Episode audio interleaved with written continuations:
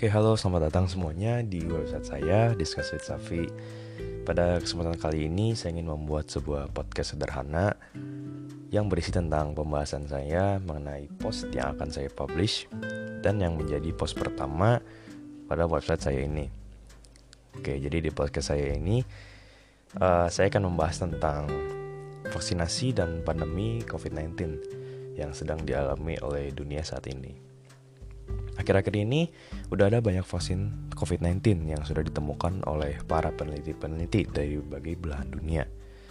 Sebenarnya udah bikin cukup lega sih, soalnya pandemi ini menurut saya sudah cukup parah dan gak reda-reda dan bikin saya kesulitan untuk melakukan banyak aktivitas seperti bertemu teman, beraktivitas di luar rumah, eh, sekolah secara tatap muka, dan lain sebagainya. Vaksin pertama yang digunakan di Indonesia adalah vaksin Sinovac yang pertama kali disuntikan pada Bapak Presiden kita yang terhormat, Pak Joko Widodo. Vaksin ini disebut dengan nama CoronaVac dan diproduksi oleh perusahaan bioteknologi asal Cina yang bermarkas di Beijing, Sinovac Biotech Ltd.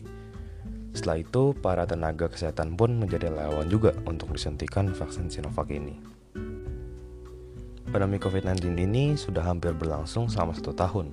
Tidak kerasa ya, Mungkin ini jawaban bagi anak-anak zaman dulu di mana mereka berharap untuk mendapatkan libur selama satu tahun. Ya, mungkin jawaban mereka dan impian mereka baru terjawab sekarang.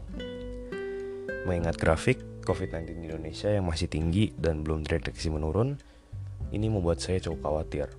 Namun dengan adanya vaksin ini, saya bisa cukup tenang.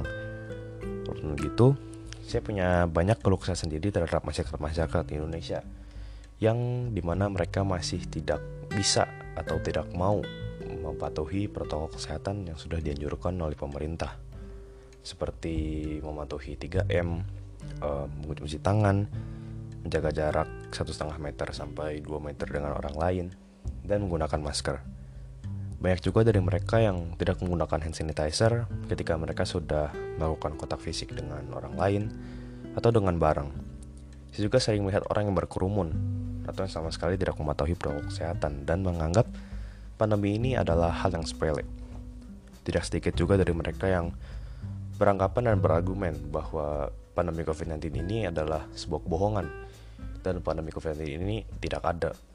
Sehingga mereka berpikiran untuk bersikap semau-mau mereka karena mereka menganggap bahwa pandemi yang bahaya ini tidak ada.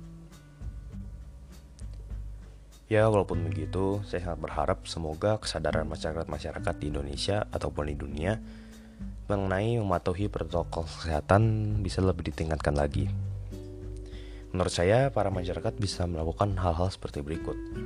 Yang pertama ada menggunakan masker jika keluar rumah, yang kedua ada rajin mencuci tangan, yang ketiga ada menjaga jarak antar orang sekitar 1,5 sampai 2 meter, yang keempat ada menghindari kerumunan, yang kelima ada keluar rumah ketika diperlukan saja, seperti ingin membeli bahan pangan atau lain-lain. Dan masih banyak hal lain yang bisa dilakukan untuk menghindari meningkatnya tingkat kasus positif di Indonesia dan di dunia. Ya, semoga pandemi ini bisa cepat berakhir dan kita semua bisa kembali beraktivitas layaknya seperti dulu lagi. Mari kita bersama-sama doakan yang terbaik untuk kesembuhan dunia ini dari pandemi COVID-19. Oke, terima kasih buat yang sudah membaca, buat yang sudah mendengar podcast saya juga. Semoga bisa bermanfaat buat kita semua. Saya Xavier, pamit dan saya akan ketemu kalian lagi di post yang berikutnya. Terima kasih. thank you